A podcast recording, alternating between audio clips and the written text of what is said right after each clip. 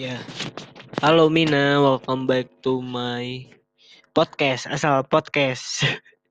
Oke, kembali lagi bersama gue di asal podcast kali ini. Gue mau ngebahas dikit aja.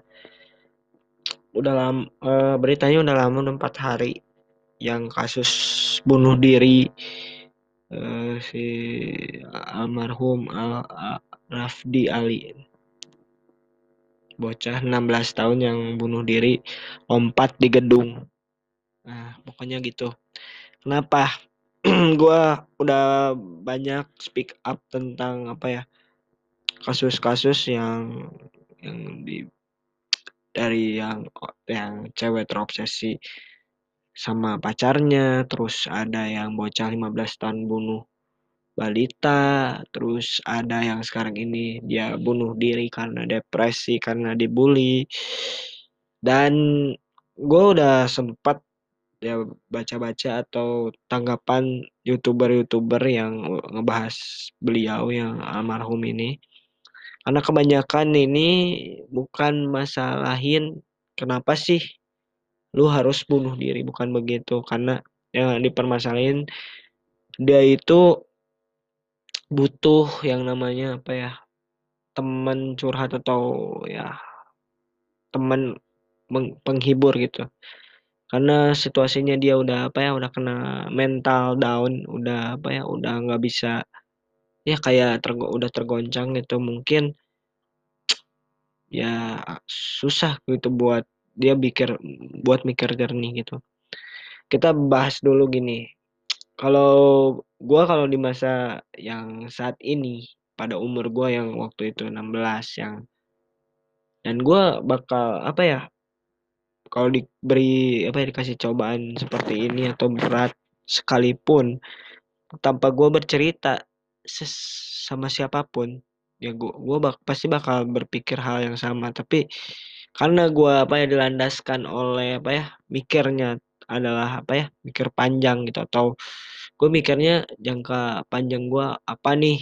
Atau gue kalau misalnya ngelakuin ini misalnya bunuh diri apa yang gue dapet?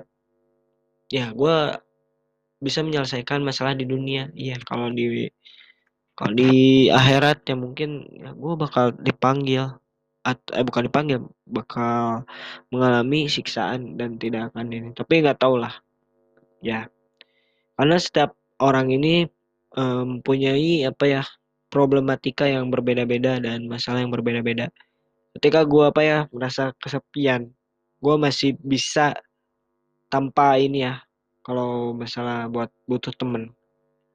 Gue ada satu apa ya satu hal yang bisa bikin gue apa ya tenang selain ya ngomong-ngobrol sama temen atau kumpul sama temen. Gue bisa dengan ya gue bikin suatu video atau apa.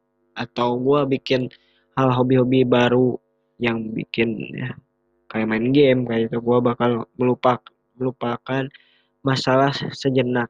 Tapi setelah itu gue ingat lagi tapi bakal jadi tetap apa ya pelucut semangat gue untuk menjalani hidup gitu ya. Ya kebanyakan orang-orang yang ini gue masalah serius ya. Gue udah gue udah apa ya udah banyak teman-teman gue yang mengalami depresi-depresi gitu. Dan yang yang gobloknya lagi di Indonesia ini orang yang lagi depresi yang lagi down yang lagi emang udah buta gitu udah ya udah nggak tahu caranya kayak gimana ya ya dia depresinya dengan cara ya gimana gimana gitu biar dapat atensi dari kalian gitu temen-temennya yang temen-temen dekat gitu ada yang sampai ngebeset tangan. Itu cewek sih cewek biasanya. Dan alhamdulillah gue nggak pernah sampai yang kayak depresi. Gue depresi ada tapi gue nggak terlalu gimana gimana gitu. Gue mikir kalau misalkan gue apa ya depresi terlalu dalam gue juga bisa akan berakhir seperti itu. Tapi gue berdoa amit-amit.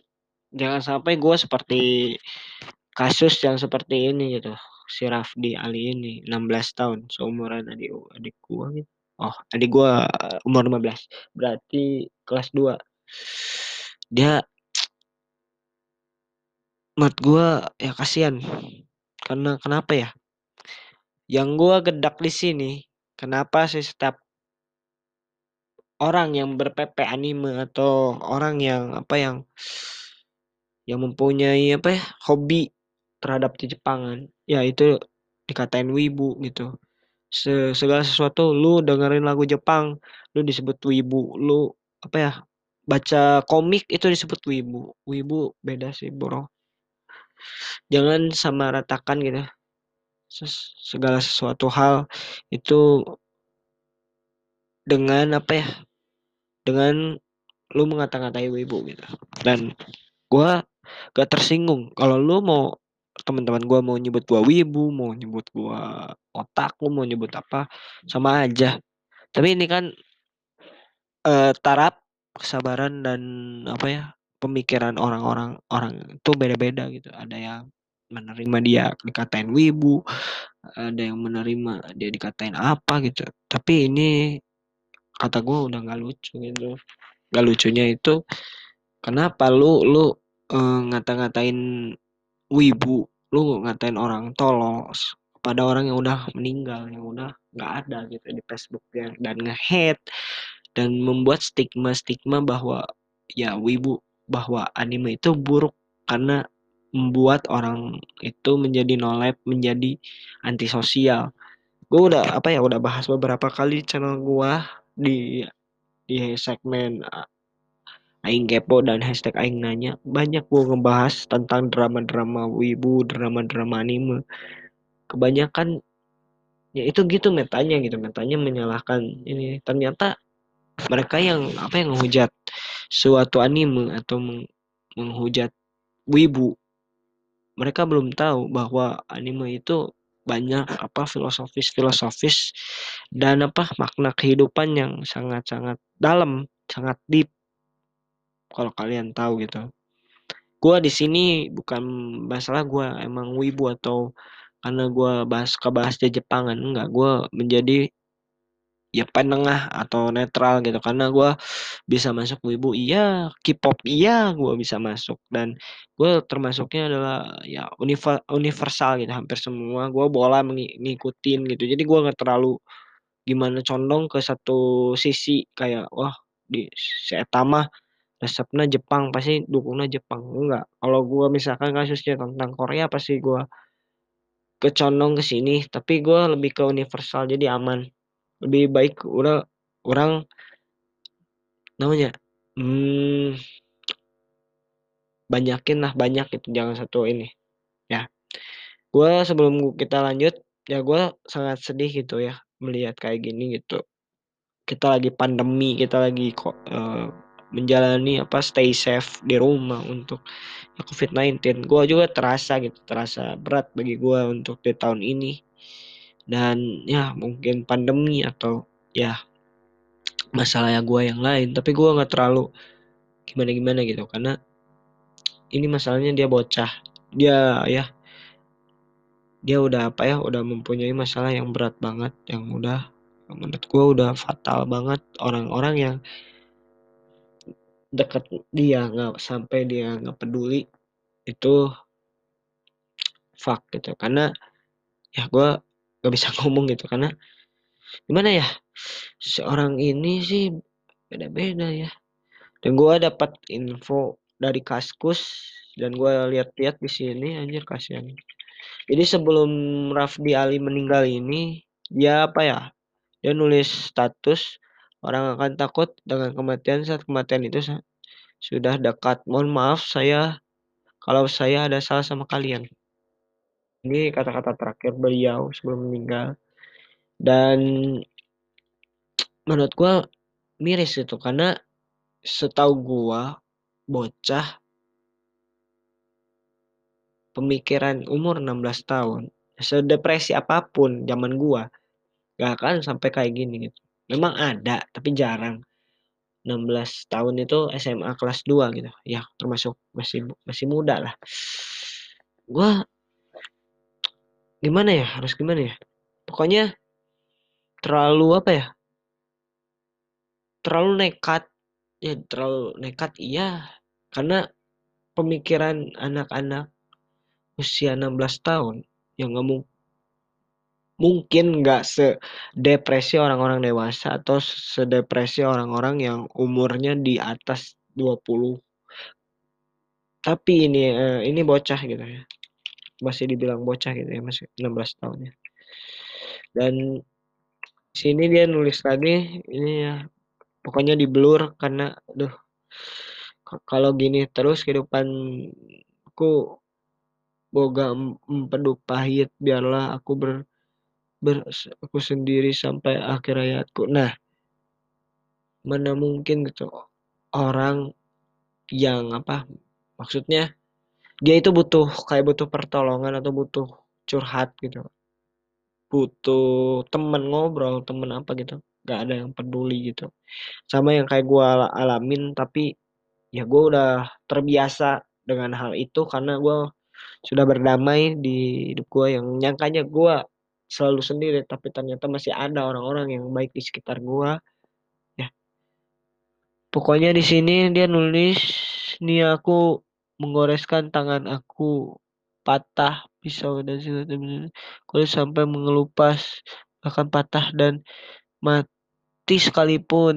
Dari aku pun sampai kehilangan kehilanganmu tapi aku tak pernah mengperasa kasihan aku aku sedikit di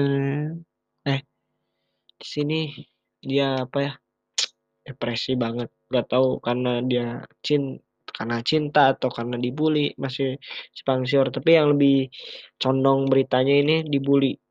Tapi sampai parah gini. Dan di sini udah diangkat berita remaja 16 tahun nekat loncat dari gedung parkir ini identitasnya. Dia adalah orang Bandung. Ya gue juga orang Bandung di sini remaja yang bernama Rafdi Aldiansyah Safrudin 16 tahun nekat mengakhiri hidupnya dengan meloncat meloncat dari gedung parkir Kings Bandung. Peristiwa ini terjadi pada Selasa. Kebetulan bisa jadi ini sepertinya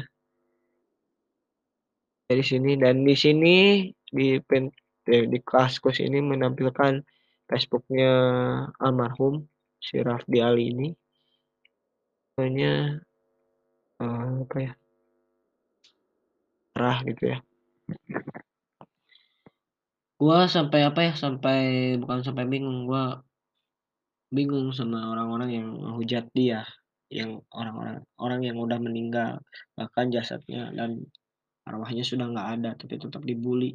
Masih menyalahkan dia mau ke isekai dia mau ini jangan woi lu bunuh diri hal yang salah. Tapi menurut gua lu tolol. Lu tololnya momen yang orang-orang yang udah udah nggak ada.